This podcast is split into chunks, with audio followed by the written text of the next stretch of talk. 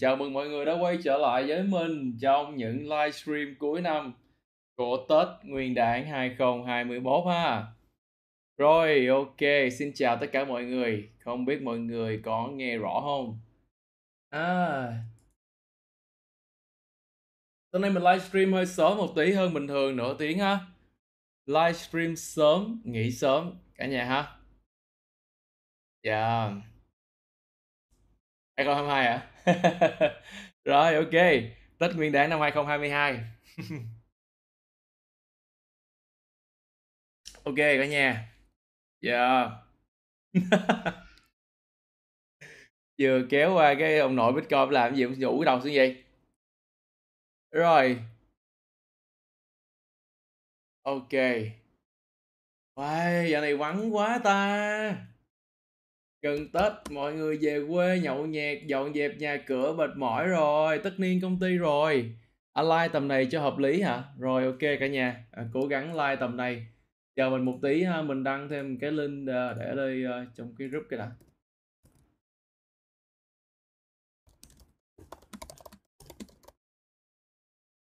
Đúng rồi đang tất niên đúng rồi đang tất niên. Ngày mai còn tất niên thêm phát nữa. Rồi.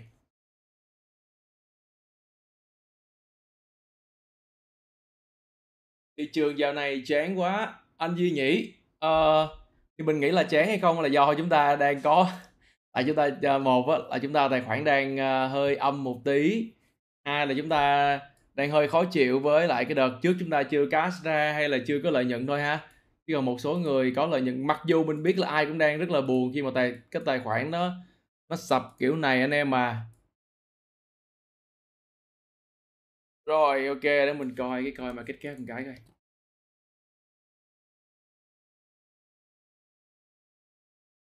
Ok. Ừm. Đâu rồi?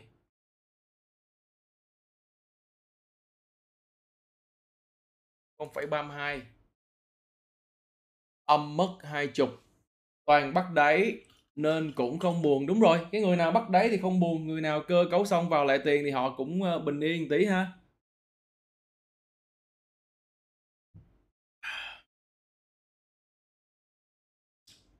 Rồi, tấm chiếu mới chào anh Duy hả? Anh chù phát cho ngày mai nó nắp cái đầu lên. Ok ok, rồi. À. Hôm nay có Nhã Hứng uh, uh, nói chuyện với cả nhà mà tiếc cái bực mình dễ sợ. Mình không thể nào kết nối con iPad này vào đây để mình uh, có thể vẽ cho cả nhà coi cũng như là mô phỏng cái flow mình muốn trình bày cho nó hợp lý. Uh, không biết là Cả nhà có muốn, ơ, chờ ngày mai mình chỉnh lại cái này rồi mình nói cái bài, à, tài chính này không ta? Hay là nói luôn, ơ, tối nay tối nay chúng ta tâm sự vui vẻ với nhau đi ha, đi dành bài tài chính nói hay là tối nay nói luôn cái bài này? Anh em, ơ, voting cho tôi thấy cũng hơi ít người, bài này nói hơi ít người thì hơi uổng. Uổng tí. Bực ghê, sao mình kết nối dây vào không được?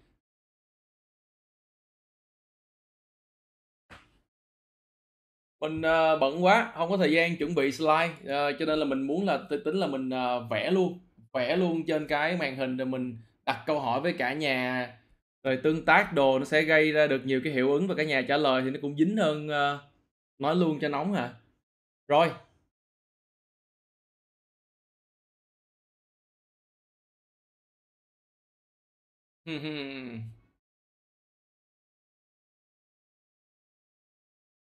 À, không phải, ý, ờ, là nói là nói dụ nói thì anh có thể dùng cái phần mềm này vẽ nè. Giờ mình chuẩn bị một cái, ơ, backup plan là mình sùng dùng cái, ơ, này để vẽ trên đây để chia sẻ với cả nhà về cái việc, à, giống cái video tokenomics, đúng không anh? Đúng rồi, à, mình mình muốn, ơ, vẽ vẽ kiểu đó, mình đặt câu hỏi cho cả nhà trả lời rồi nó sẽ rất là dính và rất là vô á.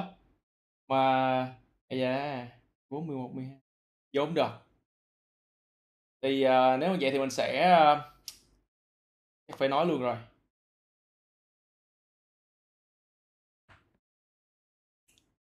Rồi, ok. à, chắc là phải sẽ sẽ demo kiểu trên này luôn quá. Chắc là mình sẽ phải làm demo kiểu trên này zoom luôn, không biết cả nhà có nhìn rõ chỗ này không để mình biết mình làm ha? Rồi để mình coi lại cái bộ phong uh, à, UTMB bars. Rồi, ok, chọn cái này, cả nhà nhìn rõ không? Kéo lên đây cái.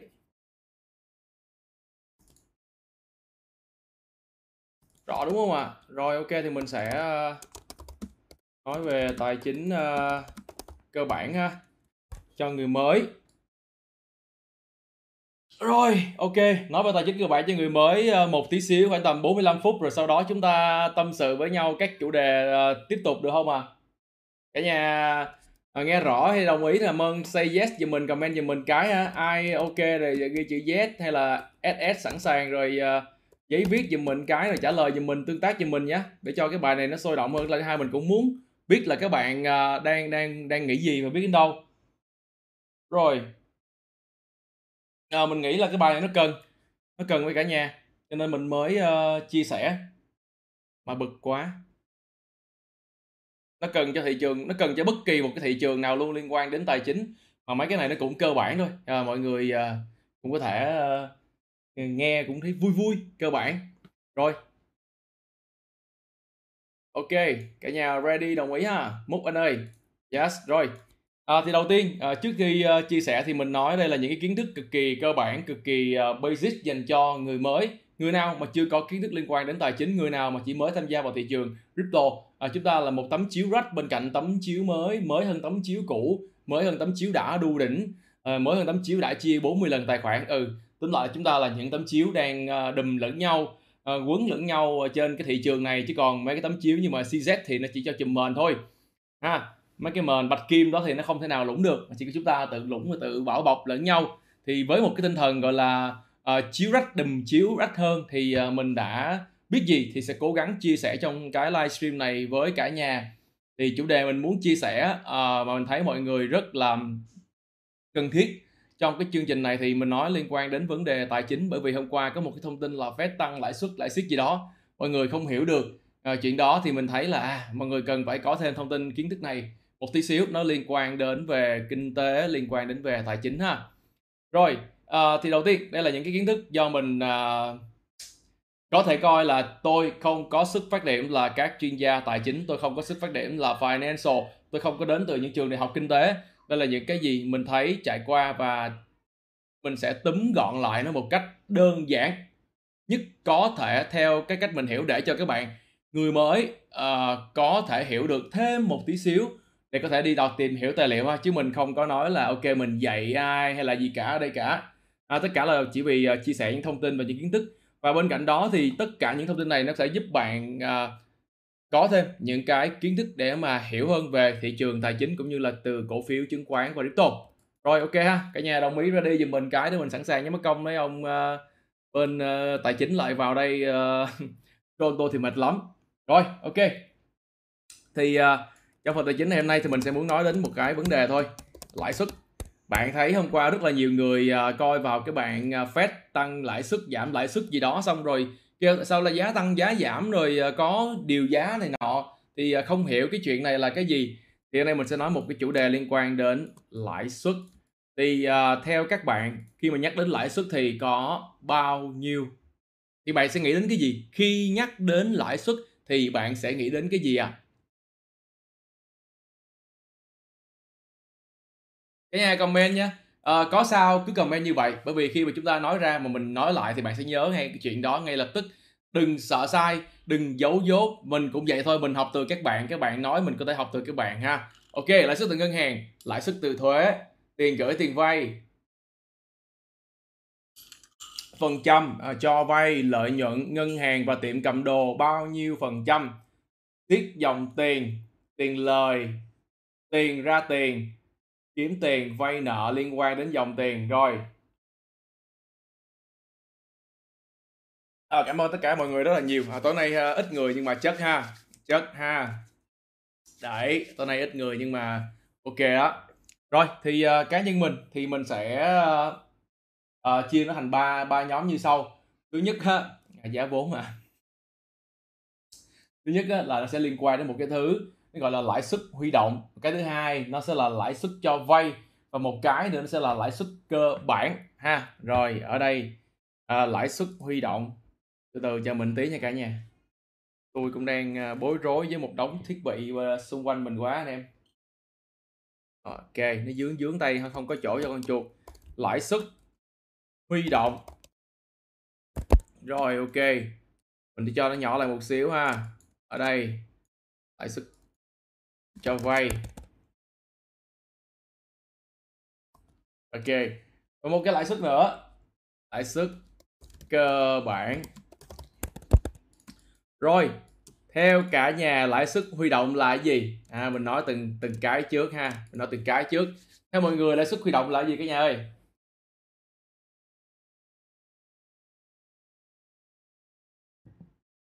Mình làm cho cả nhà hiểu rõ từng khái niệm và mình nghĩ là cả nhà cũng nên lấy giấy viết ghi ra một lần.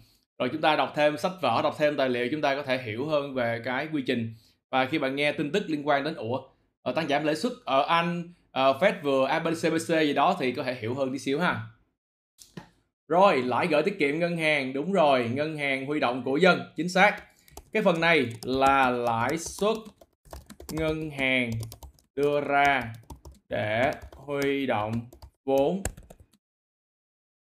tách ra coi. Tôi cho nó màu uh, xanh lá cây. Rồi vẽ lại lãi suất. À, ngân hàng đưa ra để huy động vốn của ai cả nhà ơi? Huy động vốn của người dân và các công ty hay doanh nghiệp ha. Rồi đó là cái lãi suất uh, liên quan đến cái lãi suất huy động. Rồi nó gọi là bao gồm cái lãi suất này nó có uh, cá nhân tổ chức. Rồi thì mình uh, làm luôn một cái ví dụ cho bạn có thể dễ hiểu hơn. Ở đây chúng ta có ngân hàng uh, Vietcombank đưa ra mức lãi suất là 6% một năm. Nghĩa là khi bạn thấy thông tin này thì có nghĩa là Vietcombank vừa đưa ra một cái lãi suất huy động uh, là 6% một năm ha. Cái lãi suất ở đây được coi là lãi suất huy động. Rồi thì ví dụ à, con số cụ thể cho bạn. Bạn thông cảm nha mình sẽ làm video này cực kỳ chi tiết cực kỳ đơn giản cực kỳ simple cho người mới người nào chưa bao giờ biết crypto chưa bao giờ biết tài chính cụ thể. Coi em hiểu luôn nha mình làm cực kỳ đơn giản thôi. Rất đơn giản anh em chịu khó giùm mình cái. Nếu như bạn đưa vào ngân hàng 100 triệu rồi thì à, sau đúng 12 tháng sau một năm bạn sẽ lấy ra là 106 triệu đúng không ạ? À? mình có tính gì sai không cả nhà? Rồi thiệt luôn có cái máy tính bảng mình vẽ cái bài này là đúng bài hợp lý mà nó đẹp hơn nhiều và nó vô flow hơn mình cũng cảm giác mình dễ trình bày hơn. Nhưng mà hôm nay thì hết cách rồi thì chúng ta chỉ có gọi là quẩy thôi. Rồi. Ok đúng không cả nhà? Rồi cả nhà đồng, đồng ý với mình chỗ này ha. Một năm với lãi suất 6% 100 triệu chúng ta có 106 triệu đúng không ạ? Rồi đây là một cái mức thuế một, một cái mức lãi suất mình cho là lãi suất cố định ha. Ok. Rồi vậy thì nếu bây giờ Vietcombank giảm lãi suất còn 4% một năm thì con số ở đây chúng ta chỉ còn có 104 triệu. Và khi cái thông tin này nó xuất hiện thì làm sao đây cả nhà này nó hơi nó hơi bị dội ha? Rồi, vậy thì cái thông tin mà từ 6% giảm xuống 4% thì theo cả nhà khi mà giảm lãi suất như vậy thì cái gì xảy ra trong cái nền kinh tế và cái gì bị ảnh hưởng à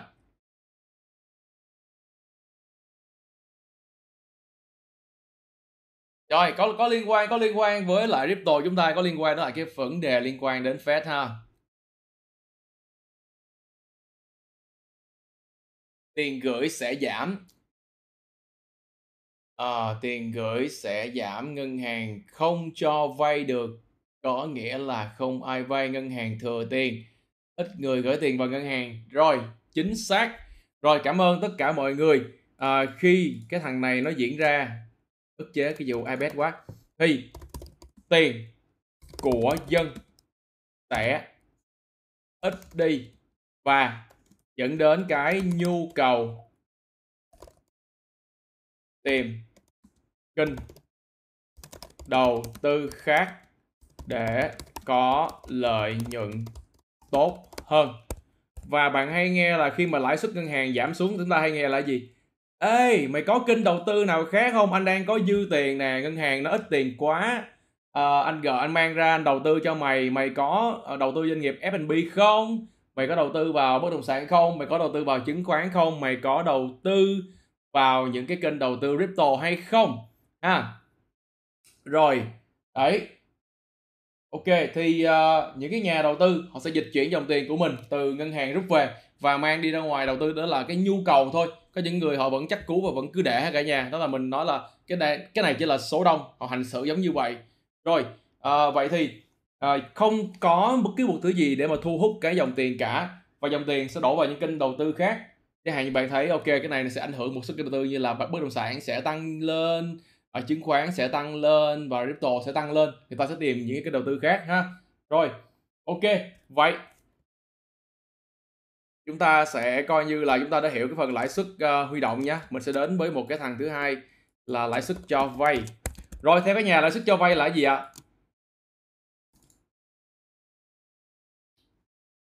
Rồi mình clear rất dễ lãi suất huy động mình túm lại à, cả nhà cứ comment cho mình cái lãi suất cho vay đi thì mình sẽ túm lại cái lãi suất huy động là cái ngân hàng sẽ đưa ra cái mức lãi suất để huy động tiền trong uh, bên trong của người dân đó chính là cá nhân những tổ chức hoặc là doanh nghiệp ha rồi và khi lãi suất ngân hàng mà bị giảm xuống thì cái độ hấp dẫn của những cái vấn đề lợi nhuận nó bị giảm xuống thì dòng tiền sẽ được dịch chuyển sang những cái kênh đầu tư khác ở ngoài như là bất động sản, chứng khoán và đặc biệt chúng ta có thêm một cái ngành nữa gọi là cổ phiếu. Rồi. Ok, thế chấp.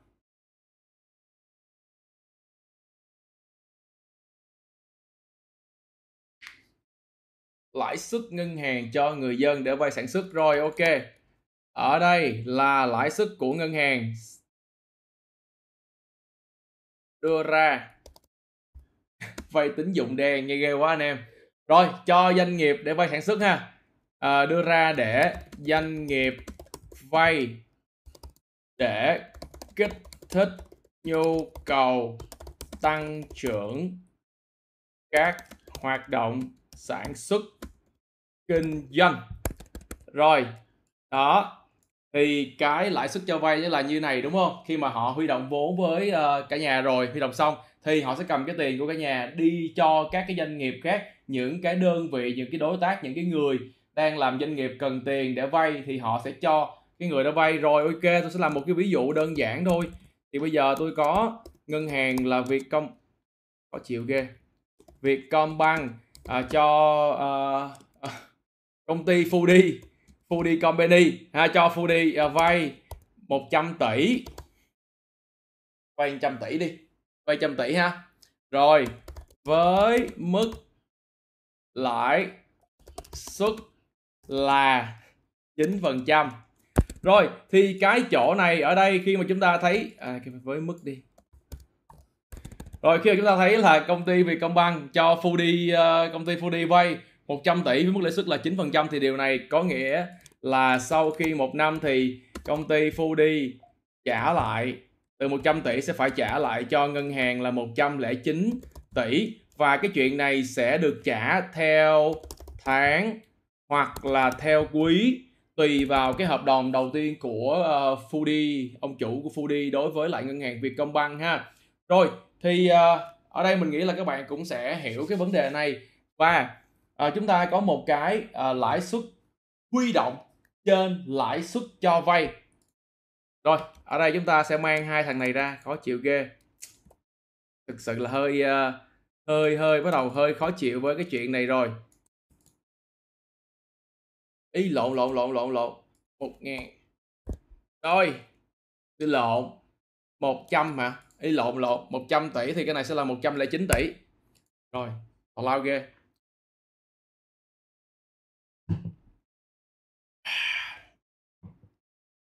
Rồi, sorry sorry cả nhà. 100 là 109 tỷ.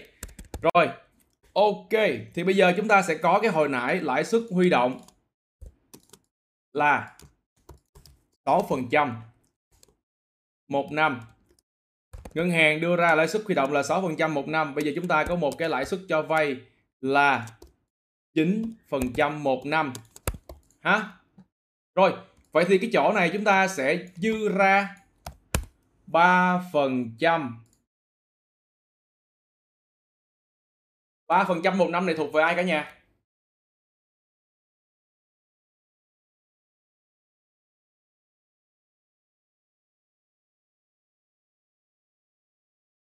Ba phần trăm phần trăm là thuộc ai cả nhà ơi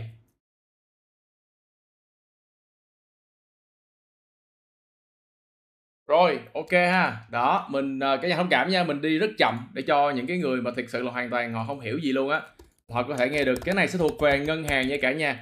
Đây chính là cái biên độ lợi nhuận của ngân hàng. Còn một thứ để xác định biên độ lợi nhuận của ngân hàng mình sẽ nói ở khúc sau liên quan đến lại hai cái thằng à, lãi suất cơ bản nữa ha. Rồi, ok.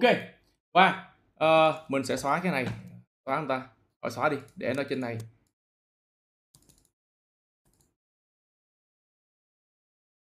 ngân hàng ngân hàng. Thuộc về ngân hàng ăn lãi và trả tiền các chi phí khác. Rồi ok chính xác. Cảm ơn bạn à, linh thủy trần. Tối nay cũng nhiều người à, dữ dội quá. Rồi ok những cái này rất cơ bản rất cơ bản. Nhiều người biết bạn thấy ha. Nếu mà bạn nào có coi video lại thì bạn thấy rất là nhiều người ta biết rất nhiều rất rõ và chúng ta phải nên cập nhật ừ, cái này rất là cơ bản rất đơn giản thôi đọc một số sách một số tài liệu bạn có thể hiểu được chuyện này rất rõ. Và mình nghĩ là crypto cũng cần biết chuyện này. Rồi thì một cái nữa. Ngân hàng ngân hàng ngân hàng ba phần trăm. Rồi ok một cái nữa chúng ta sẽ nói đến uh,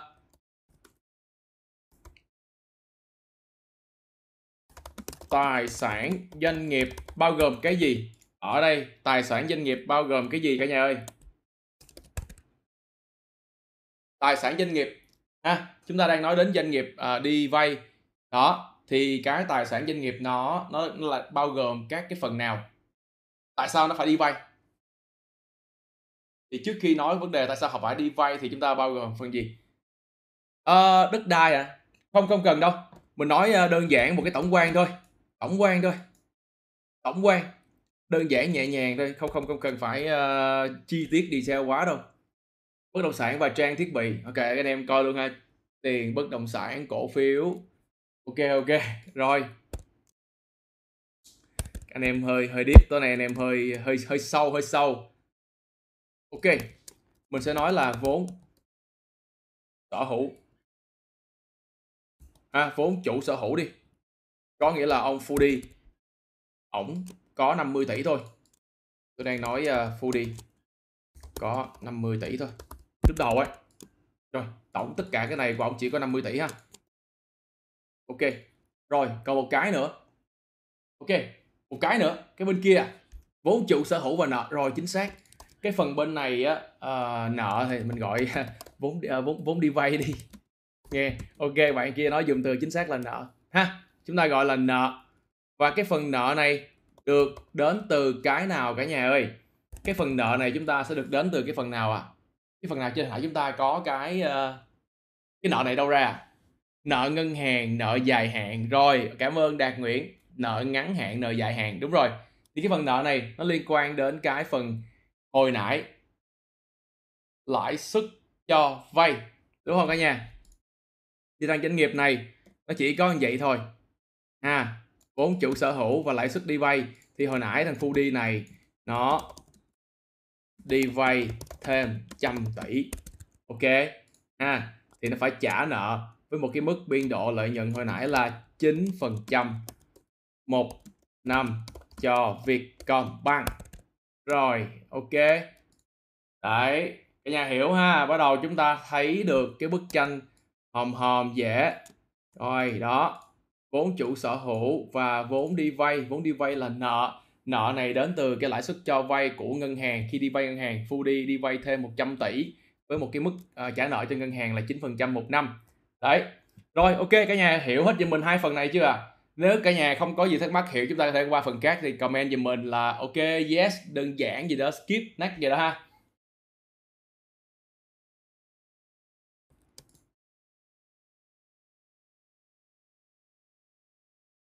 Rồi ok. Vậy, câu hỏi ở đây đặt ra là tại sao doanh nghiệp lại đi vay? Đúng không ạ? À? và nếu làm doanh nghiệp, anh em biết thường xuyên đi vay đi vay là chuyện thường tình ở huyện, tại sao nó đi vay? Đây, lúc nào nó cũng sẽ có cái phần này hết nè, lúc nào nó cũng sẽ có phần này. Phần này đa phần rất lớn ha, tại sao nó phải đi vay? Động lực nào mà lại đi vay?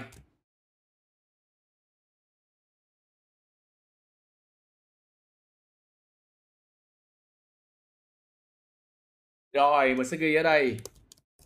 Cần vốn đầu tư mở rộng phát triển doanh nghiệp. Mình viết tắt ha. Rồi tiếp tục cả nhà. Mở rộng sản xuất đúng rồi. Ok coi như mở rộng sản xuất doanh nghiệp đi. Mở rộng sản xuất ừ. Mở rộng uh, kinh doanh. Sản xuất. Rồi sử dụng đòn bẩy ok đúng. Sử dụng đòn bẩy con dao hai lưỡi ha. Mùa covid là bảy gặp bật vô đầu lại luôn ha. Rồi đây là con dao hai lưỡi. Ok vương vò bạch tuộc. Ok rồi. Thì à, tất cả những cái này nó là nhu cầu tất yếu của doanh nghiệp phải có à, sử dụng đòn bẩy về tài chính để đi vay mượn ngân hàng. Bởi vì các cái kênh đầu tư à, mở rộng phát triển kinh doanh sản xuất rất là nhiều thứ như thế này đấy có một người comment khá thú vị mua đất ờ, uh, lô phân lô bán nền. Chết nha chết nha chết nha baby à Mr. Melo. Ẩu nha chết đấy. Rồi ok vậy thì đây là cái nhu cầu của doanh nghiệp họ sẽ sử dụng những cái đòn bẩy về tài chính để mà làm chuyện này và đây là những cái bài toán mà phải cân nhắc rất là đắn đo để làm với cả nhà. Rồi vậy thì cái lãi suất cho vay mà nó tăng lên thì nó làm sao cả nhà? Với những cái nhu cầu này, với những cái nhu cầu bình thường này của một cái doanh nghiệp, thì bây giờ mình sẽ nói những trường hợp xảy ra đối với lại cái lãi suất cho vay mà nó tăng lên thì sao? Với cái này nha, với cái cụm này chúng ta đang có nè, thằng full đi câu chuyện bây giờ mình đang mapping là full đi luôn. Thì nếu như lãi suất cho vay tăng lên thì sao à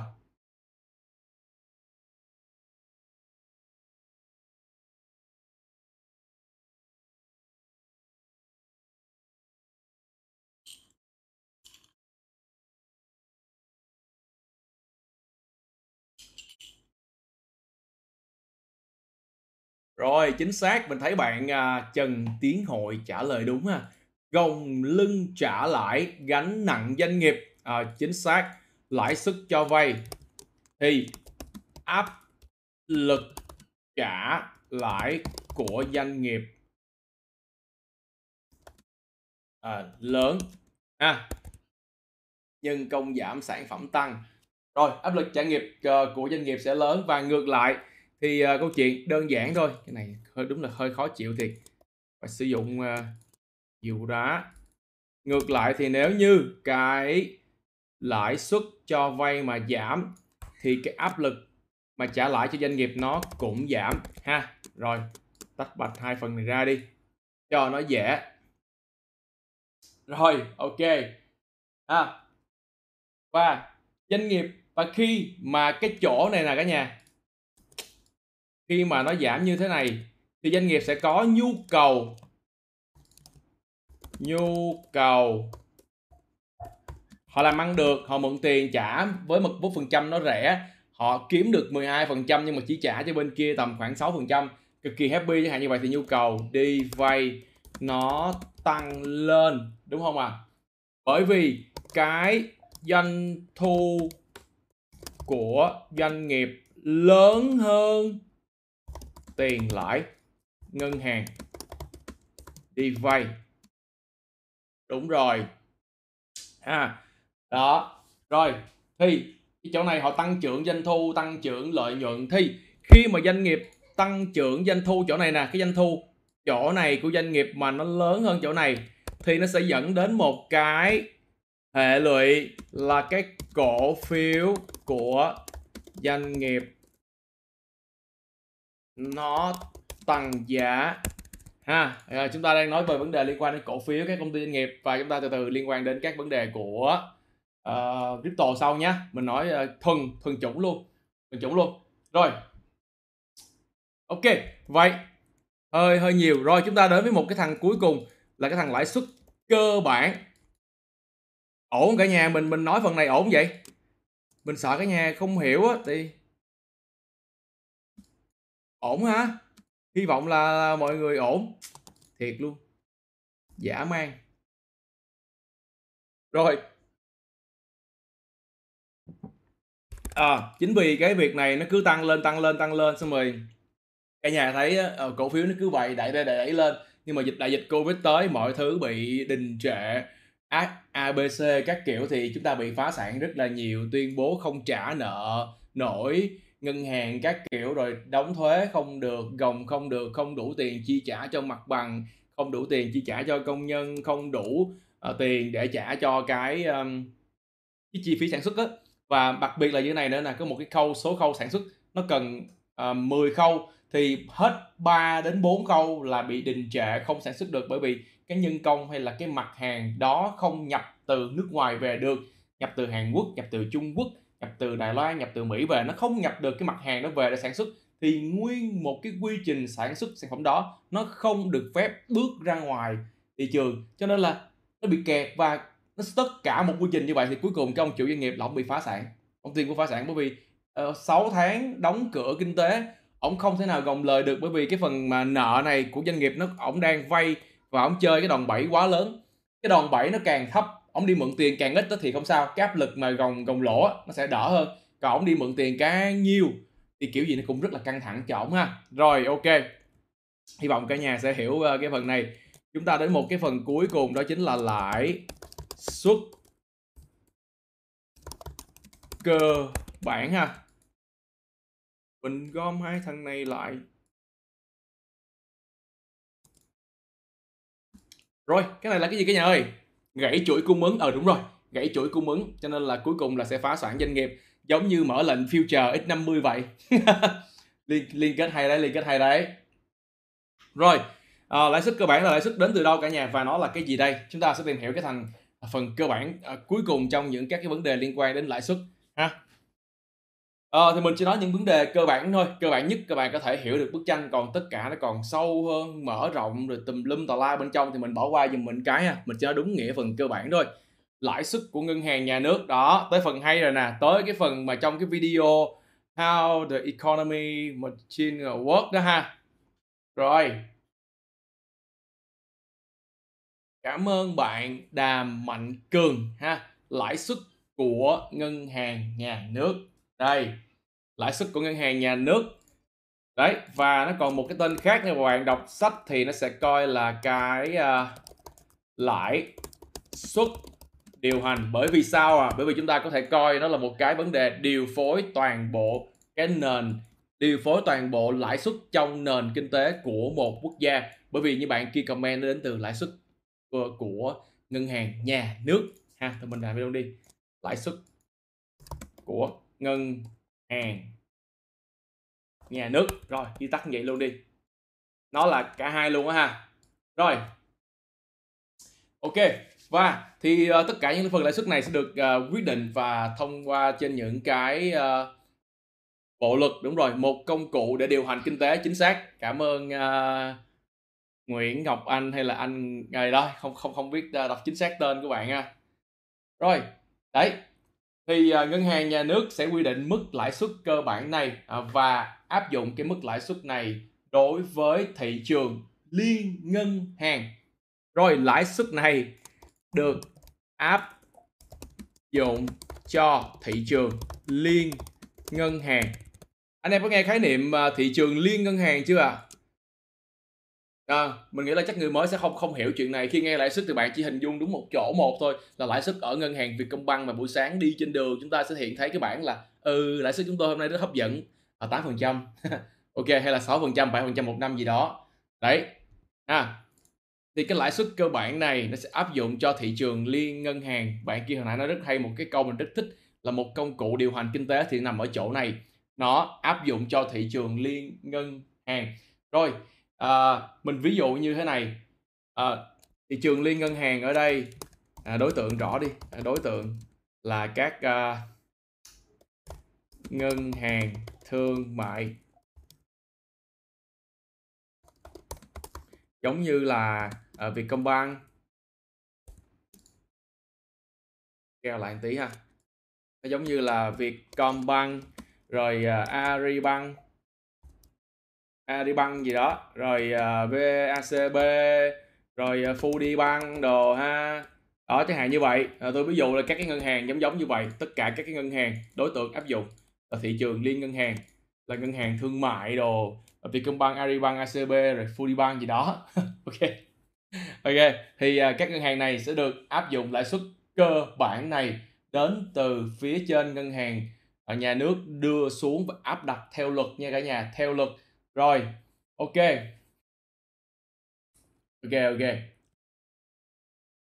Hiểu. Hiểu được không cả nhà? Hiểu được không cả nhà? Trời, thiệt tình. Tôi ngồi đây tôi, nếu có USDT thì nên giữ, chưa nên vào tham thời này. Quan điểm cá nhân. Rồi, ok. Quan điểm của bạn đang giữ. Rồi.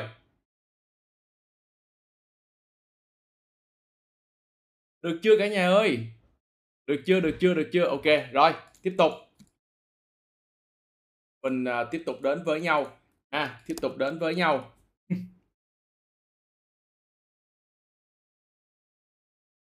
Rồi bây giờ mình sẽ nói vấn đề là một cái ví dụ đi. À, từ từ. Việc công băng thiếu tiền cung cấp cho các à, từ từ. Đối tượng như mình là người tiêu dùng và doanh nghiệp đi ha. Cho các uh, người tiêu dùng và doanh nghiệp vay. Rồi, thì khi mà thằng này nó thiếu tiền, thằng Việt Công Băng nó thiếu tiền thì nó sẽ đi mượn tiền ở đâu cả nhà? Vietcombank khi thiếu tiền rồi không còn đủ tiền vay nữa à?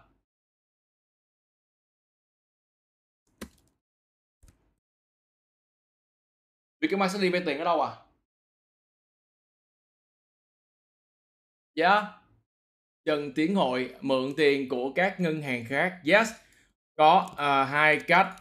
Là một là đi vay mượn liên ngân hàng Hoặc là ngân hàng nhà nước với mức lãi suất trên luật. Cái mức lãi suất trên luật này chính là cái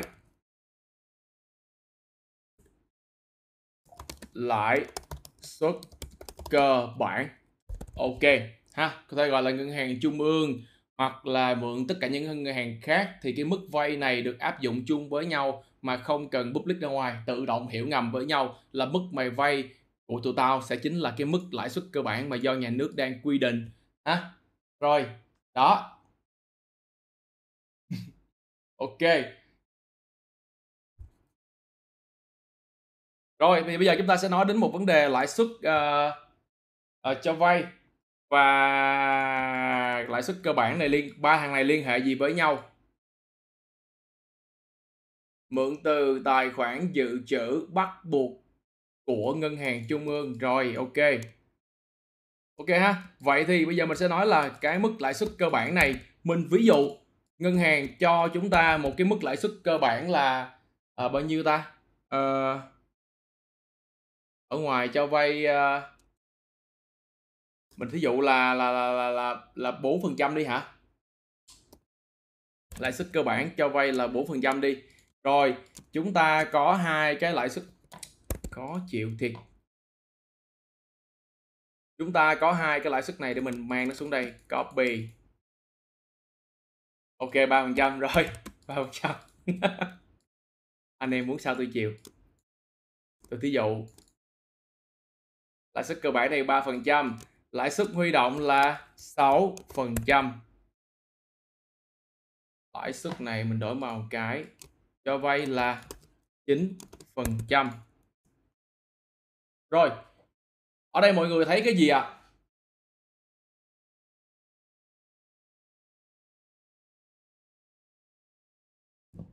Mọi người thấy cái gì ạ? À?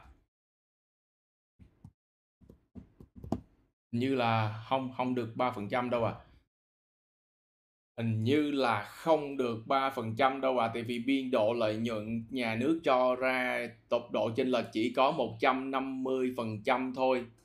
Cái thằng lãi suất cơ bản này chỉ được lớn hơn hoặc bằng 150% cái lãi suất huy động này chỉ được lớn hơn hoặc bằng 50% lãi suất cơ bản mà bây giờ cái này nó đang là 200% chỗ này đang là 200% của thằng này ha.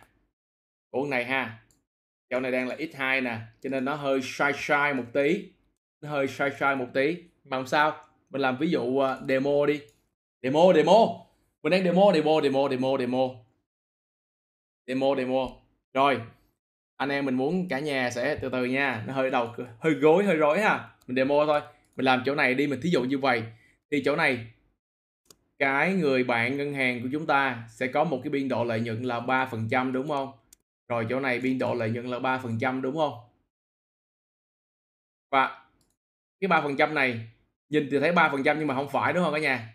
Chỗ này để mà chúng ta quy định thực thụ ra, hồi nãy chúng ta thấy nó là x2 đúng không? X2 ha thì cái tiền lời của ngân hàng nhà nước ngân hàng trung ương cũng như tiền lời của các cái loại à, ngân hàng thương mại chúng ta thấy là họ sẽ có những cái phần chênh lệch giữa các cái doanh nghiệp đi vay cho đến tận cùng cái ngân hàng trung ương ha. Rồi ok cái chỗ này phải nhiều hơn ba phần trăm đó mình không nhớ rõ nữa mà chắc chắn là phải nhiều hơn ba phần trăm rồi. Biên độ lợi nhuận là gì ta? 4,5 phần trăm. Rồi ok chính xác là cho 4,5 phần trăm. Ok. Ủa, biên độ lợi nhuận bạn kia không hiểu hả? Thì có nghĩa là ngân hàng lời 3% chỗ này là bạn. Đây là ngân hàng cho chúng ta doanh nghiệp doanh nghiệp này không có bút vẽ bực mình quá doanh nghiệp đi vay, chấp nhận mức lãi suất phu đi đi vay 100 tỷ và fully phải chấp nhận mức doanh nghiệp trả cho lại ngân hàng là 9% có nghĩa là mình sẽ trả lại cho ngân hàng là 109 tỷ, đúng không thì cái lãi suất mà ngân hàng trả lại cho cái người mà đưa tiền á, cái chỗ 6% này là trả cho người đưa tiền. Từ từ từ cho tôi phân tách ra các đối tượng nè. Người, cái này nó y chang trong cái crypto luôn á, lending, borrowing nè. Người cho vay nè. Bank bank nè. Khổ ghê và người đi vay. Rồi, lending, borrowing, ha. Thằng nào là lending cả nhà? Cái DeFi chúng ta nó bỏ qua này thay thế thành chỗ trung gian swap nè. Vô crypto luôn rồi đó. Mình đang nói phân tích câu chuyện ở ở truyền thống vô crypto luôn nè. Cái bài này cũng có nói rồi đó. Trong cái phần uh,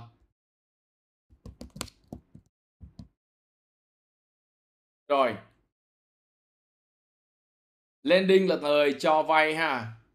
Rồi người đi vay là borrowing và ngân hàng ở giữa. Rồi cái 6% này là cái lợi nhuận cam kết giữa ngân hàng đối với lại cái người cho vay. Có nghĩa là không cần biết tôi đưa vào đây, mình thí dụ thẳng luôn 100 tỷ đi cho nó nhanh mình không cần nói là phải gom nhiều người lại. Rồi 100 tỷ thì sau một năm thì tôi sẽ có về được, về lại được là 106 tỷ. Ok, cái phần này là tôi ngân hàng cam kết với tôi là 6%. Rồi, sau đó từ ngân hàng cam kết với cái ông doanh nghiệp thì cái thằng này nó phải trả lại cho thằng doanh thằng ngân hàng là 9 tỷ thì cái chỗ này ông ngân hàng đang lời 3 tỷ nè cả nhà. Bạn hiểu giùm mình chỗ này chưa? Cái khúc trung gian này nè cả nhà.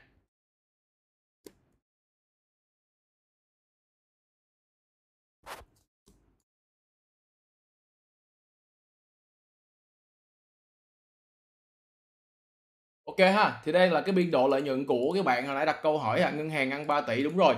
À, nó cũng đơn giản như vậy thôi. Đấy thì à, cái nền tảng à, DeFi của chúng ta tạo ra thì nó sẽ giản lược bớt cái chỗ này đi và chúng ta sẽ gọn hơn, nhanh hơn à, cũng như là trả ít một khoản phí cho cái thằng swap ở giữa đó ha. Nền tảng cho vay và đi vay nó mọi thứ nó tối ưu hơn thì người ta kêu là à cái nền tảng DeFi nó tốt hơn á. Đó, rồi ngân hàng đúng ra cho vay ăn 3 tỷ đúng rồi hợp lý. Ok cho nên phần này à, đơn giản ha. Rồi ok.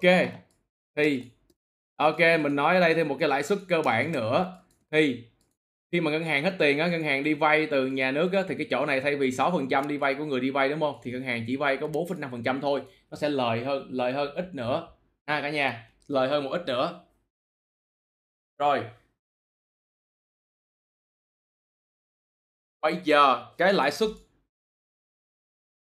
Ok, mình gom này vô đi. Mình sẽ nói đến các cái trường hợp xảy ra nè.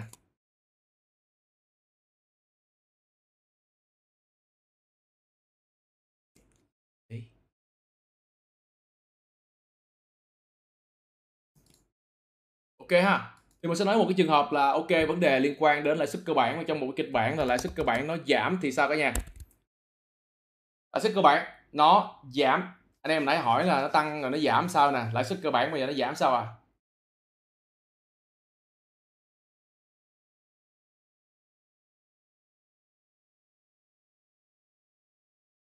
Cả nhà comment cả nhà nhé. Lãi suất cơ bản nó giảm thì sao à? Mình uống nước một cái.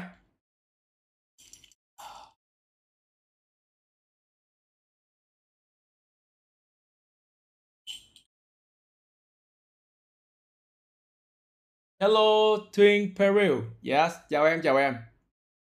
Yeah, trời đất ơi, hay quá. Rồi, lãi suất cơ bản giảm thì ngân hàng thương mại vay nhiều hơn. Vì sao ngân hàng thương mại vay nhiều hơn à? No no no no no no. À, lãi suất cơ bản giảm thì à, chưa chắc cái lãi suất vay giảm nha. Cái lãi suất cho vay chưa chắc giảm chưa chắc. Bạn thấy có những cái đợt điều chỉnh á cái lãi suất uh, trong uh, cơ bản nó giảm nhưng mà ngân hàng nó giữ nguyên à thì cái chỗ này kinh khủng khiếp. Chỗ này mình đang nói cái kịch bản chỗ đó đó.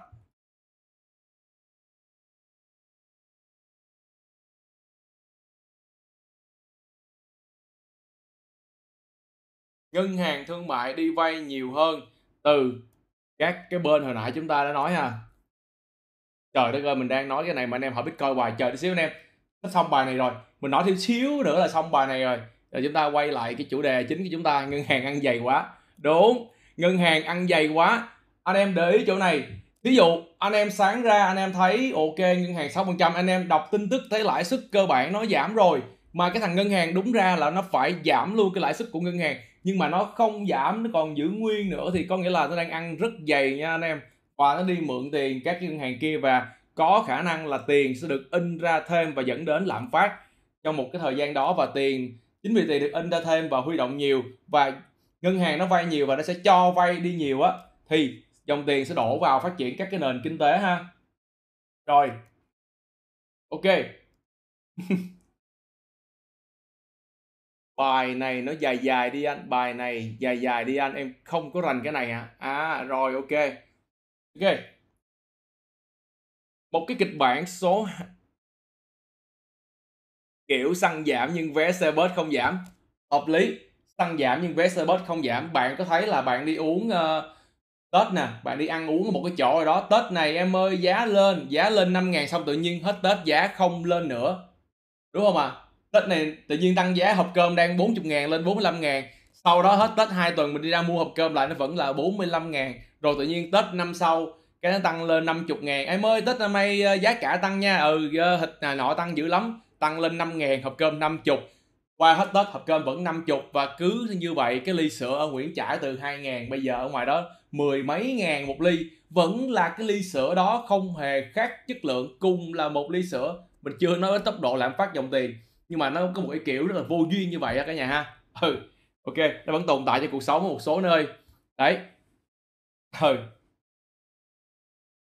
rồi thì như hồi nãy mình nói đó thì khi mà cái ngân hàng nó đi vay nhiều hơn thì cái dòng tiền đổ vào những cái thị trường rất là nhiều và thúc đẩy việc phát triển nền kinh tế. Và nếu như không có đại dịch covid thì các doanh nghiệp hoạt động bình thường họ phát triển cái cơ sở sản xuất như chúng ta phân tích ở cái lúc hồi ở trên ha. Đó họ sử dụng đòn bẩy về tài chính họ đi vay để tăng cường thêm phát triển mở rộng doanh nghiệp uh, mở rộng cơ sở sản xuất của họ và họ thắng lợi thì cổ phiếu họ tăng cổ phiếu họ tăng thì cái nền kinh tế vĩ mô nó cũng tăng theo và nó làm cho tâm lý của nhà đầu tư cũng rất là yên tâm đầu tư vào đó. Cho nên khi mà bạn nghe tin tức lãi suất tăng hay giảm và đặc biệt là Fed tăng hay giảm lãi suất trong một cái thời gian ngắn hay gần hay là những cái đơn vị châu Âu như là chính phủ đến từ Anh gì đó và tăng giảm lãi suất thì uh, mình có nói trong một cái livestream ở trên Facebook ha về một cái vấn đề liên quan đến uh, chứng khoán và các cái uh, crypto thì nó cũng có một số liên quan đến cái phần này á. Bạn hãy coi lại trên đó. Rồi một cái nữa là nó làm cho giá trị của cái đồng uh, nội tệ của chúng ta nó giảm luôn thay vì nó tăng chỉ đến để lạm phát.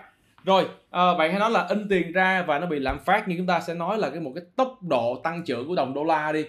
Cái giá trị của nó nó mặc dù cái đồng đô la bị lạm phát nhưng cái giá trị của nó tăng tăng trưởng đều và ổn định á, cho nên là người ta ở mức tăng trưởng vẫn rất là ok. Để từ từ mình mang một cái thằng này xuống mình nói cho nó dễ nè.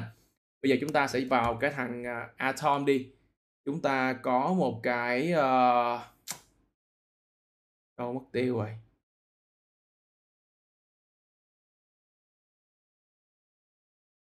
Wow. rồi, ok ờ, ở đây chúng ta có một cái uh, biên độ lạm phát là 9% ha 9% rồi 9% nhưng mà cái giá của thằng này nó ổn nó ổn cái nhà. Khi mà giá cả của thằng này nó tăng trưởng đều thì cái mức ví dụ như mà Atom bây giờ mà giá còn 8 đô mà mức độ lạm phát tăng lên á, thì nó không ổn ha.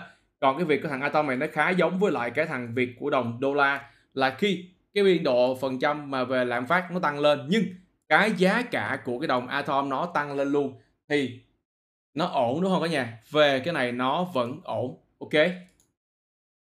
Rồi cái nhà hiểu vấn đề phân minh chưa ạ? Rồi. Và khi mà lãi suất cơ bản giảm xuống thì sẽ giúp kích thích hoạt động à, xuất khẩu kinh tế chứng khoán và cổ phiếu crypto của chúng ta được phát triển đều luôn ha. Rồi. Vậy thì hôm qua chúng ta có một cái vấn đề là Fed giảm lãi suất gì đó thì bạn có thể coi lại thông tin đó và à, cập nhật thêm các thông tin khác từ những cái nguồn xung quanh. À, đọc tin tức bạn có thể hiểu hơn về vấn đề tại sao tăng giảm và ảnh hưởng như thế nào đối với nền kinh tế ở một cái góc độ gọi là sơ khai nhất ha. Mình không cố gắng đào sâu bởi chúng ta không phải là chuyên gia tài chính. Chúng ta không cần biết quá nhiều về những cái à, khái niệm deep nằm bên trong rồi phân tách này nọ. Thì ở góc độ của mình mình chỉ cần hiểu hiểu như vậy thôi. Những khái niệm cơ bản những khái niệm đơn giản như vậy đối với lại cái này. Ok cũng ờ, rất thông cảm là cả nhà thông cảm với mình là hôm nay không có vẽ trình bày cho nó smooth hơn, cho nó dễ hiểu hơn, mà cứ phải ngồi gõ gõ chách chách như vậy đôi khi cũng gây sự ờ, hơi hơi khó hiểu ha. Không biết cả nhà có hiểu hết không? Ok, ở góc độ mình là rất hy vọng mọi người có thể hiểu được cái phần ờ, trình bày của mình á. Rồi.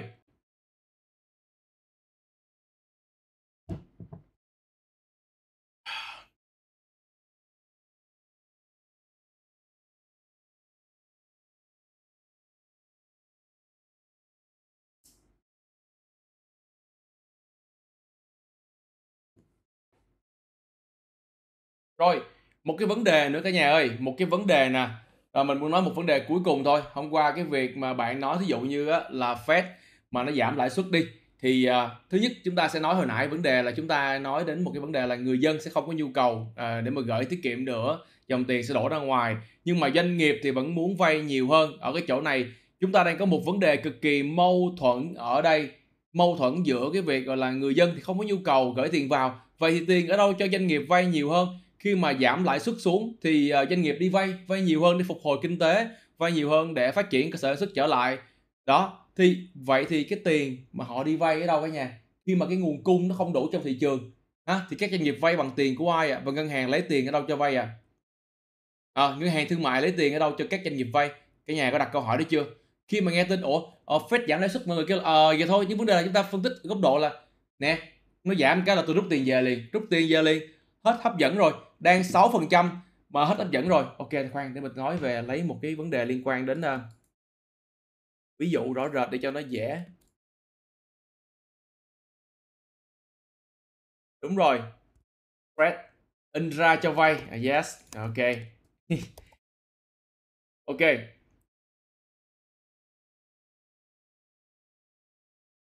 In ra cho vay. À thì đó anh em phải nghĩ nha. Phải hiểu thêm cái này giùm mình tí ha đó. In ra cho vay thì trên thị trường crypto chúng ta thì chúng ta thấy stablecoin in ra liên tục, in ra liên tục và cứ hồi đó. Với một số lượng stablecoin khá khiêm tốn thì chỉ cần in khoảng 2 tỷ đô, bơm vô thị trường cái mua bitcoin, toàn bộ các con hàng bên dưới đều sẽ tăng. Không, mình đang nói ở góc độ nếu nếu nếu. Mình đang phân tích ở góc độ nếu như là giảm mà bạn, chứ không phải mình đang nói cái tin hôm qua, tăng lãi suất. Mình đang nói ở một góc độ gọi là nó mâu thuẫn nếu như nó giảm người dân rút tiền. Và cái kia, họ, doanh nghiệp thì muốn đi vay để phát triển kinh tế. Vậy tại sao dòng tiền ở đâu? Mâu thuẫn, rút tiền ở rồi. Thì ngân hàng không có tiền nữa. Đấy, ngân hàng nhà nước bơm thêm tiền vô, chính xác. Ngân hàng nhà nước sẽ bơm thêm tiền vô, như bạn kia comment là có thể in thêm tiền. Ha, đó là cách vận hành của cái kia. Đấy, ok, chúng ta có thể hiểu thêm phần này. Để mình add thêm thông tin là à như vậy thì sẽ có phần mâu thuẫn. Tiền sẽ được in thêm. Lạm phát sẽ có. Trứng gà từ 2.000 sẽ lên 2.000 rưỡi, chẳng hạn như vậy ha chúng ta sẽ bị mất giá cái đồng tiền. Đấy. Rồi. Ok.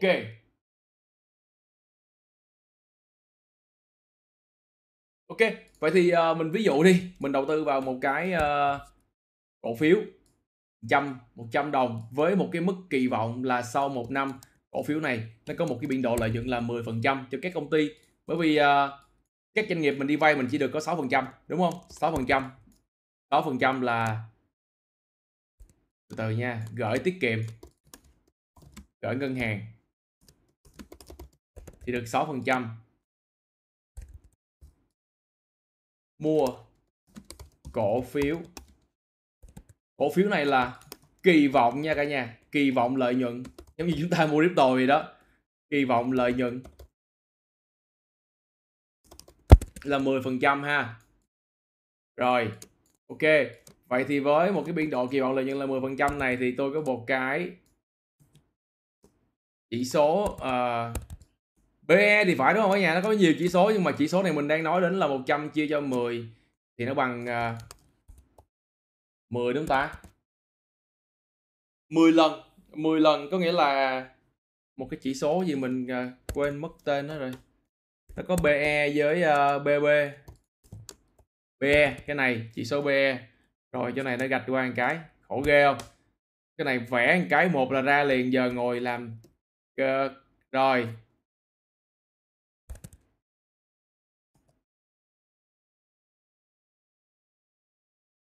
Rồi, ok ha. Đó, là chỉ số BE và khi mà cái thằng lãi suất ngân hàng này mà nó giảm xuống, mình thí dụ đi nhá mình thí dụ nó giảm xuống 4% thì sao cả nhà? Giảm nè. Nó ảnh hưởng gì đến một cái việc cái người này kỳ vọng à? 4% so với 6% ở đây là đang giảm đi.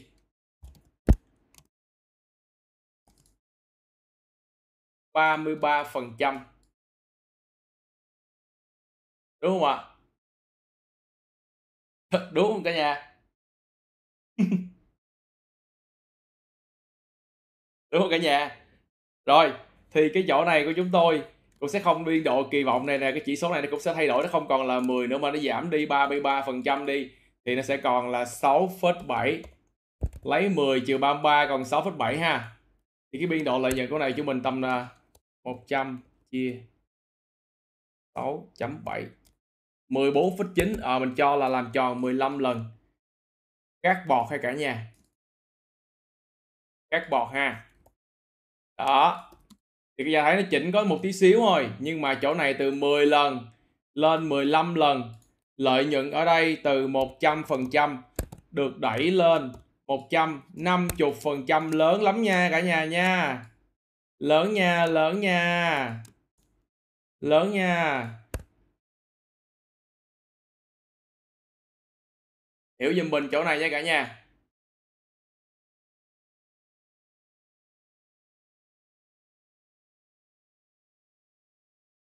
Rồi, đúng rồi. Chúng ta sẽ đổi kênh đầu tư khác, lợi nhuận cao hơn, nhưng mà khi mà lợi nhuận cao hơn thì bạn phải chấp nhận cái rủi ro nó cao hơn. Giống như việc bạn farm cặp stablecoin thì lợi nhuận nó rất là bình ổn, nó không cao bằng bạc. Bạn, việc bạn farm cặp cặp khác, nhưng mà việc bạn farm một cặp khác, nó sẽ có một cái ờ, gọi là high risk, high return, lãi kép và lỗ kép rất nguy hiểm cho vấn đề khi thị trường đau kiểu này là khóc bằng tiếng máng ha.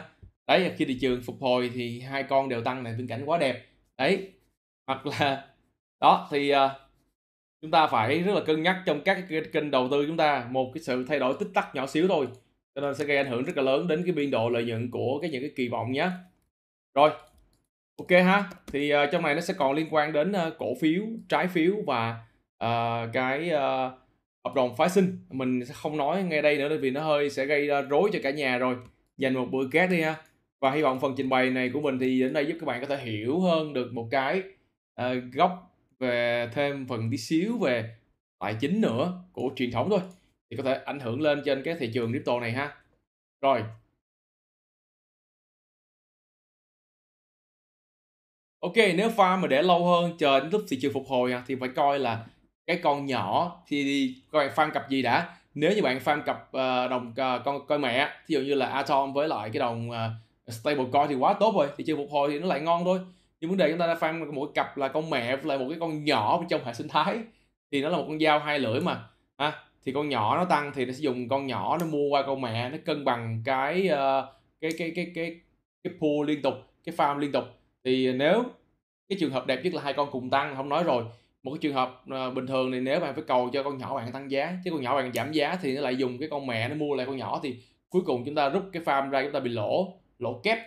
Tự nhiên cái rút ra cho thay vì chúng ta thôi để im stacking đi nó còn ngon hơn tự nhiên cứ làm vòng vòng vòng cuối cùng là chúng ta bị lỗ ha. Cho nên là hãy cẩn thận giùm mình chỗ ờ, đi đi farm cái. Đó. Mua 50 50 đúng rồi. Mua 50 50 nhưng mà khi cái con cái con B nó giảm thì nó sẽ dùng con A để nó mua lại con B. Đúng không? Dùng mà nó dùng con mẹ là con nền tảng con bạn thích đó mà nó mua lại cái con nhỏ mà con nhỏ không tăng giá mà càng ngày con nhỏ càng giảm giá là coi như gãy luôn rồi.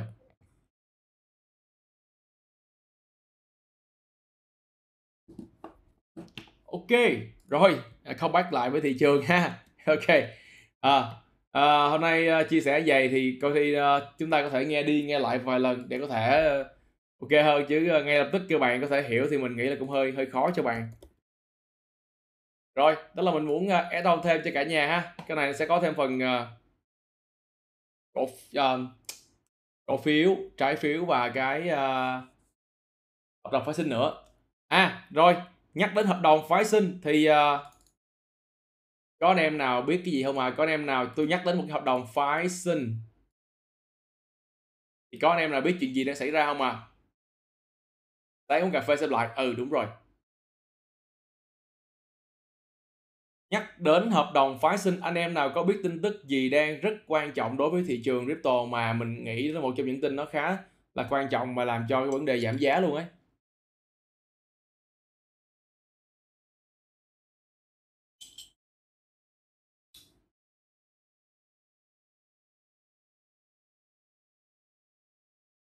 Chính xác thiếu ha. Đáo hạn bitcoin. Sắp tới ngày đáo hạn bitcoin rồi. Và À, khi mà nói đến đáo hạn bitcoin Derivatives thì anh em sẽ coi vấn đề một cái vấn đề là cái hợp đồng phát sinh của bitcoin đó nó đang mua ở trung bình giá bao nhiêu anh em có thể đi check lại. Ha rồi hiểu comment hay ha trò này ờ, uh, giữ rồi đó. Lên level rồi đó. Đáo hạn hợp đồng phái sinh của bitcoin và cho đó khi mà nếu vậy tại sao đáo hạn hợp đồng của bitcoin và giá lại giảm? Đó tiếp tục. Sắp tới ngày đáo hạn của hợp đồng bitcoin mình mới đặt câu hỏi cho người mới luôn thì tại sao giá bitcoin lại giảm? Bởi vì sao à? Ta xét thêm chỉ các yếu tố nào à? Có một đợt vừa rồi đáo hạn hợp đồng của bitcoin thì à, bitcoin đang có lợi nhuận rất là cao và nó cắm một cây xuống tầm 5 ngàn. Bạn nhớ lần trước không à? Nên lần này rất khác, lần này rất khác. Bởi vì lần này trung bình giá mua của cái hợp đồng phát sinh bitcoin nó cao hơn cái mức mà chúng ta đang được nhìn thấy trên thị trường bây giờ ha. Đang được nhìn thấy trên thị trường bây giờ.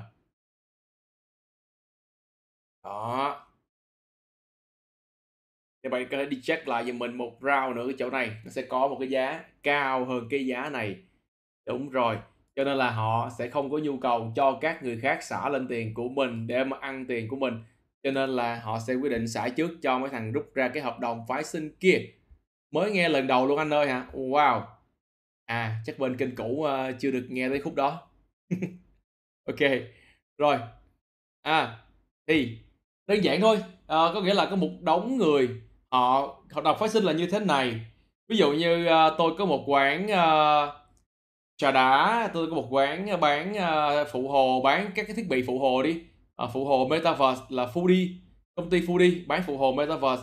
Thì một đồng tiền của một cái cổ phiếu nó liên quan đến cổ phiếu. Một cái cổ phiếu của tôi có giá là 10 10 đồng. Nhưng bây giờ anh quan sát công ty tôi làm ăn kia xong rồi anh là một nhà kinh tế học anh tính toán được biên độ lợi nhuận và anh dự đoán được là tôi sẽ có mức giá là 50 đồng sau một năm kinh doanh. Thì anh sẽ đi mua một cái phái sinh là mua cái hợp đồng phái sinh là ông, ông cược là 11 là sau một năm công ty của tôi lên ờ, uh, 50 đồng và hai là nó trượt giá xuống thì ông sẽ mua nó với giá 12 đồng.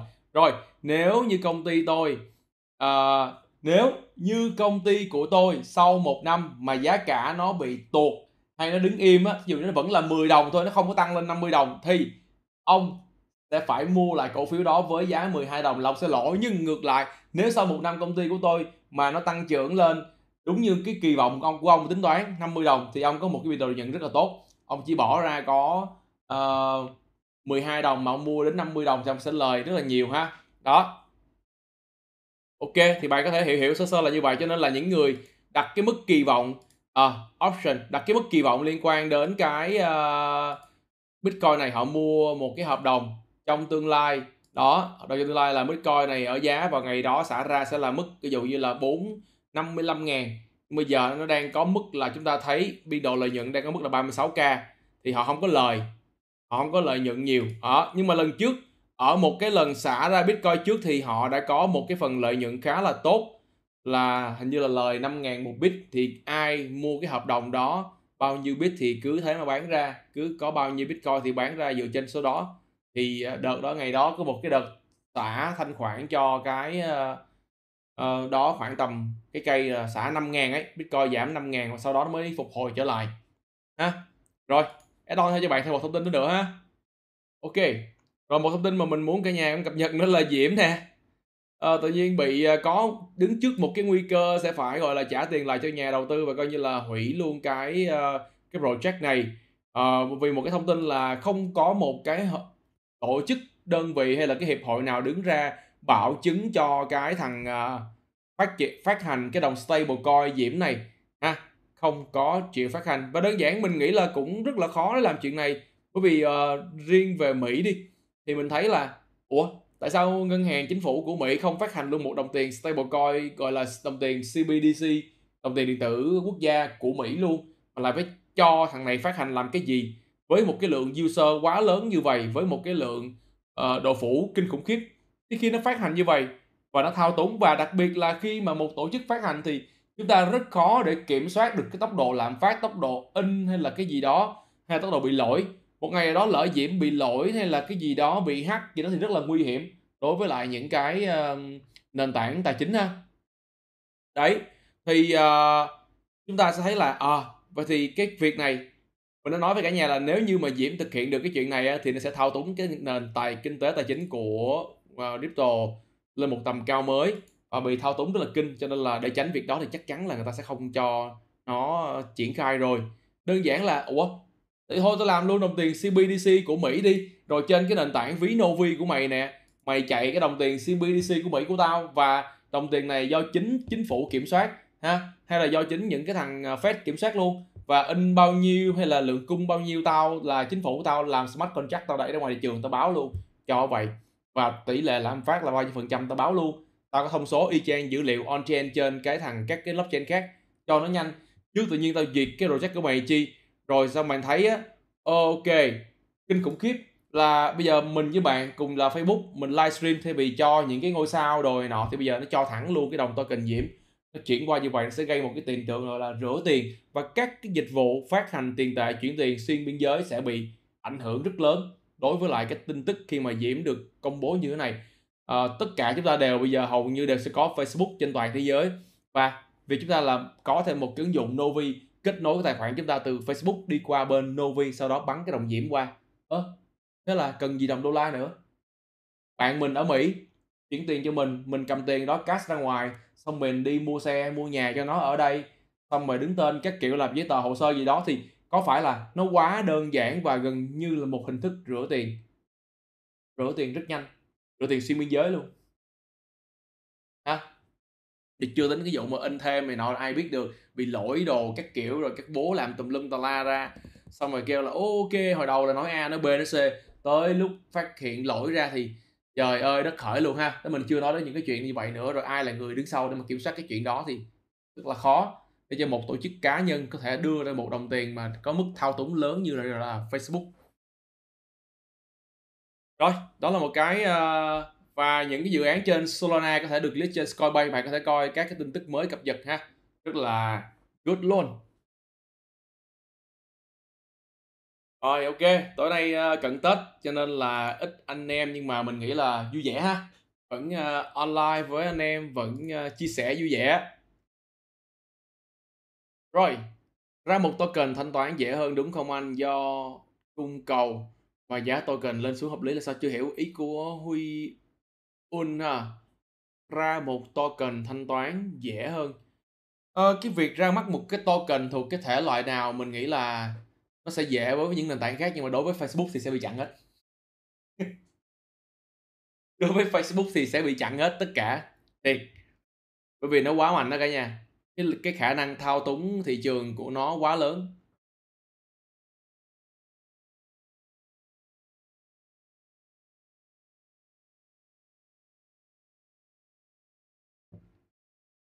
Rồi, bây giờ mình chưa tính đến một cái chuyện nữa nè. Bây giờ mình ví dụ như là Việt Nam có CBDC của Việt Nam, ở Mỹ có CBDC của Mỹ. Tự nhiên sản sinh ra một cái gọi là sàn exchange CBDC. Như một dạng như Bitcoin market cap vậy đó. Mà lên exchange với nhau chúng ta vẫn sẽ chuyển từ Việt Nam đồng sang cái kia thì ô liệu hay là có một cái ứng dụng nền tảng nào đó có khả năng tự động swap tất cả chuyển đổi tất cả sang cái um, uh, chuyển tất cả mọi cái sang gì ta quên rồi tự động nó chuyển từ Việt Nam đồng sang CBDC của quốc gia này sang CBDC của quốc gia khác á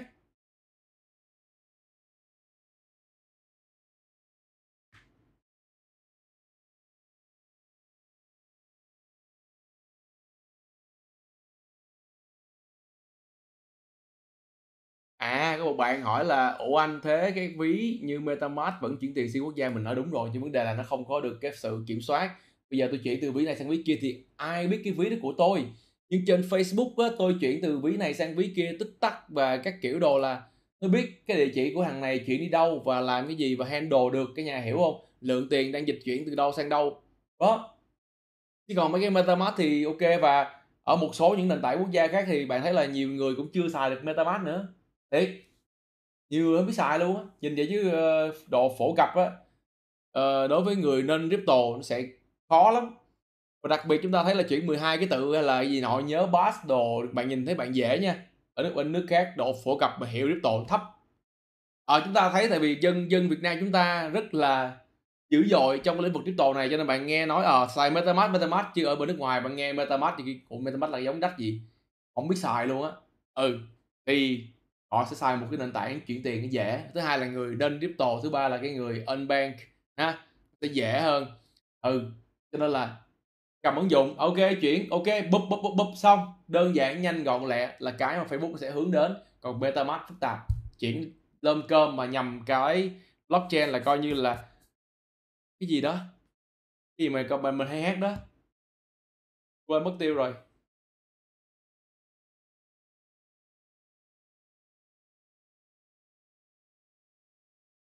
Rồi, ok cả nhà. A, còn thị trường thì cả nhà chờ xong cái đợt đó và mình nghĩ là, ờ, mọi thứ cũng ok nhưng mà hôm qua thì cái pha kêu long sọt của Fed là hơi kinh đấy. Giật lên cái giật xuống, giật lên cái giật xuống, trời đất ơi, giết toàn bộ long sọt và hình như là thanh lý gần mấy tỷ đô luôn cả nhà trong những ngày vừa rồi. Tổng cái giá trị thanh lý của những cái hợp đồng là kinh khủng khiếp luôn.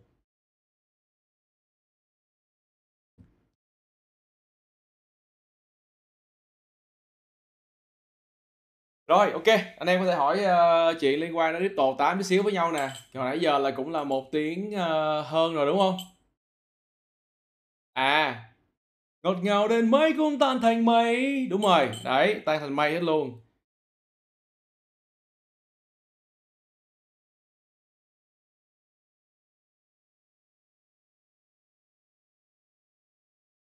Thiệt luôn.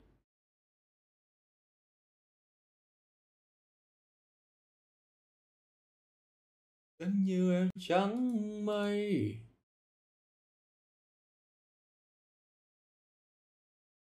Dora có phải một hệ sinh thái không hả? Ờ, Dora sẽ là một cái nơi cho phép tạo ra nhiều cái DAO và tự động customize cái DAO đó theo ý của mọi người, theo ý của một tổ chức, theo ý của bất kỳ một cái gì. Nó là một cái nơi cho phép đó là cái nơi cho phép sản sinh ra các cái DAO luôn, create ra các cái DAO khác.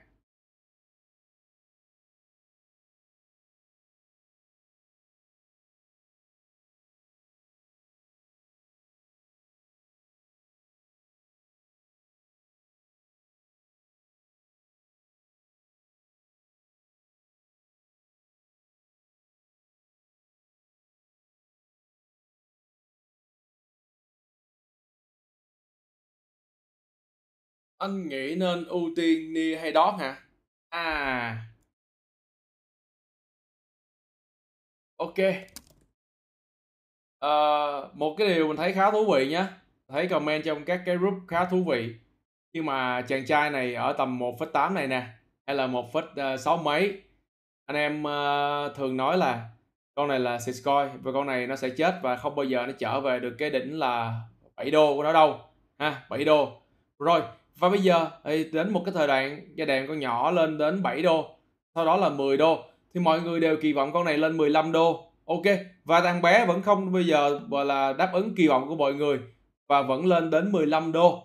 Rồi, và sau đó mọi người à, thay phiên nhau chốt túi bụi, chốt tán loạn, chốt các kiểu vì à, cũng gần ít 10 rồi, ít ỏi gì nữa. Thì chốt thôi x8 rồi x7 6 rồi thì chốt, ok.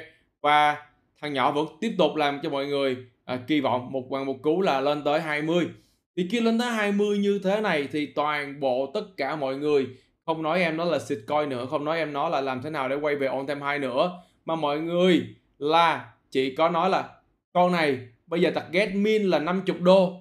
Thật là một sự nhảm nhí dễ sợ. Ngày xưa tất cả những cái người mình gặp đều kêu con này là ui con này thì có cái mẹ gì mà so với Solana mày mua Solana sướng hơn cái kiểu bla bla bla bla trong khi Solana đó là 200 đô rồi vẫn kêu kêu là mua Solana con này thì có cái gì chẳng có cái gì cả ABC Z. Cuối cùng thì kêu đi lại đi nói về con này bây giờ là min là phải 50 đô con này là rất ghê. Lật bánh tráng dễ sợ. Bánh tráng bán ngoài đường lật như là cơm bữa ha lật. Kinh khủng khiếp. Thì uh, ở chỗ này khi mà ở này mình nghĩ là nó sẽ không có cái vùng giá mà về lại chỗ này cho bạn thích đâu ha. Đấy. Thì uh, bật lại nhanh thì bạn nghĩ là nó chỉ có giảm 50 phần trăm nè và đang giữ ở một cái cản cứng tầm khoảng 90 đô 90 đô. Vùng nhập này thì bạn nghĩ là à, tới một cản đó thì bạn có thể nhập hàng và mức kỳ vọng thì mình nghĩ là tối đa bạn thấy là nó đang chỉ tối đa ở 20 à, thì mình nghĩ là ok trên 60 phần trăm. Nếu bạn chắc cú bạn muốn à, à, ăn mỏng thôi ăn mỏng nhưng mà bạn vào một số tiền gì đó không biết là bạn vào bao, bao nhiêu tiền ha vấn đề là bạn muốn ăn mỏng hay ăn dày hay ăn như thế nào. Đấy thì ok em này hoàn toàn trong một mùa tiếp theo có thể vượt lại on time 2 và đi lên tiếp ở khoảng à, tầm 25 hay 30 gì đó. Đó là cái, cái chuyện mà quy luật vận hành. Nếu mà nó không chết thì nó phải là như thế thôi. Ở những con khác nó cũng vậy. Avax bạn cũng thấy thế. Rồi còn ở Polkadot thì nó chia nặng hơn. Con này thì nó mới chia hai à. Ở Polkadot thì nó chia nặng hơn nhiều.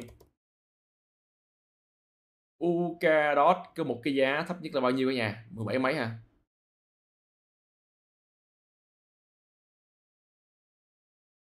Mười sáu hai ha 162 và chúng ta có thể thấy được cái ờ, uh, on time 2 của em ờ, uh, Bukadot này rất lớn nha. 53 ha thì uh, con này nó chia nhiều hơn từ đỉnh của nó từ cái on time 2 của nó.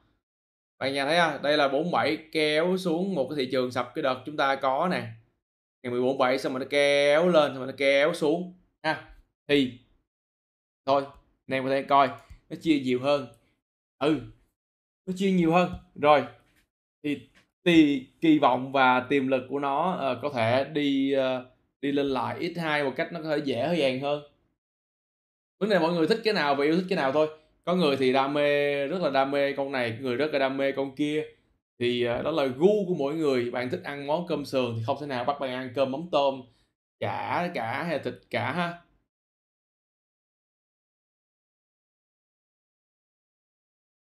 E còn 30% USDT thì giờ vào hàng con nào anh ơi? Em cầm C98 bạn cầm C98 100% portfolio luôn hả? Là 70% còn lại là cầm C98 luôn hả ta? Nha ICB chia 20 rồi á.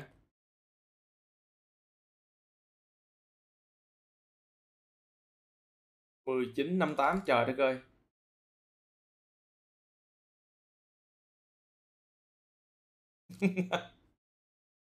2022 đi trồng hoa hồng Rose. Cello Cello Cello giá này nhiêu ta? Ui Vẫn đẹp à? Vẫn còn đẹp. Vẫn đang rất đẹp. 3 đô 3 đô cho Cello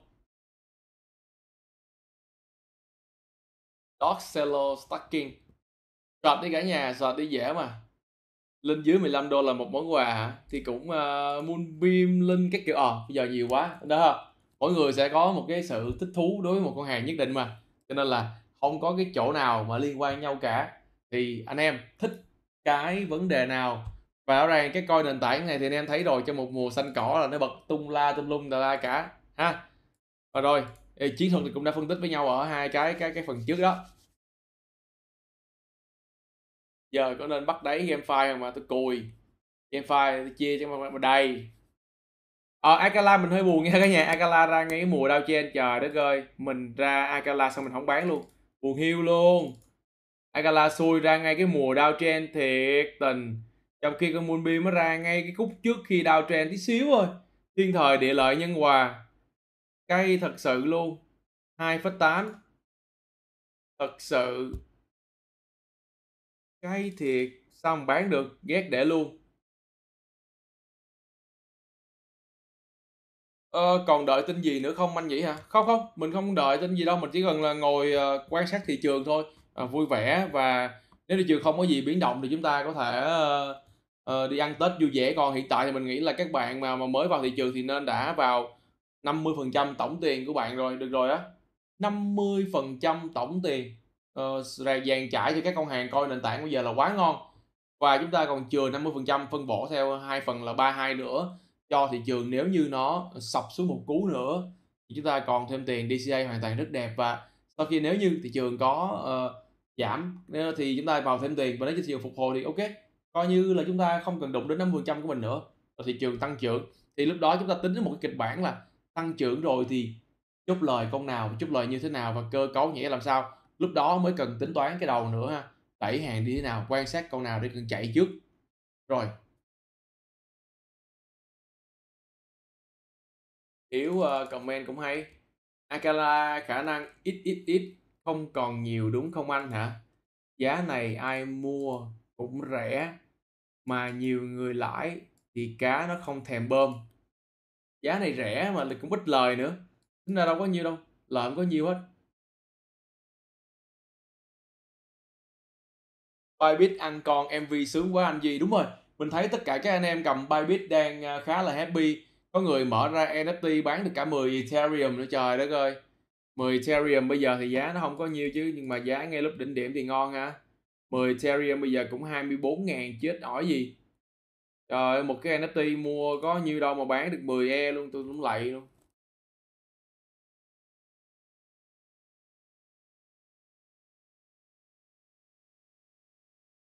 On by bit. On by bit không phải Homebit đao chứ?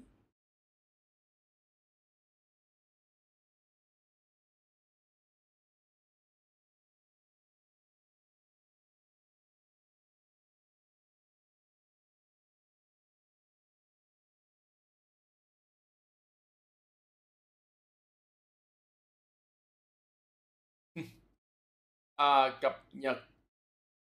Bybit ngày nay mới ăn lon Lonspo con MV hơn 2k Bit down Đúng rồi, con Bit down Này nè. Giá cả con này nó là bi chang co y chang Binance luôn. Ghê chưa? Giá thơm nhất thời thời đại thời mà người ta ăn nhiều rồi nha mấy anh em chơi bên Bitdown là ăn nhiều rồi đó. Bây giờ vô tôi không biết còn thơm kèo không nữa. Người ta chơi Bitdown là ăn nhiều lắm rồi.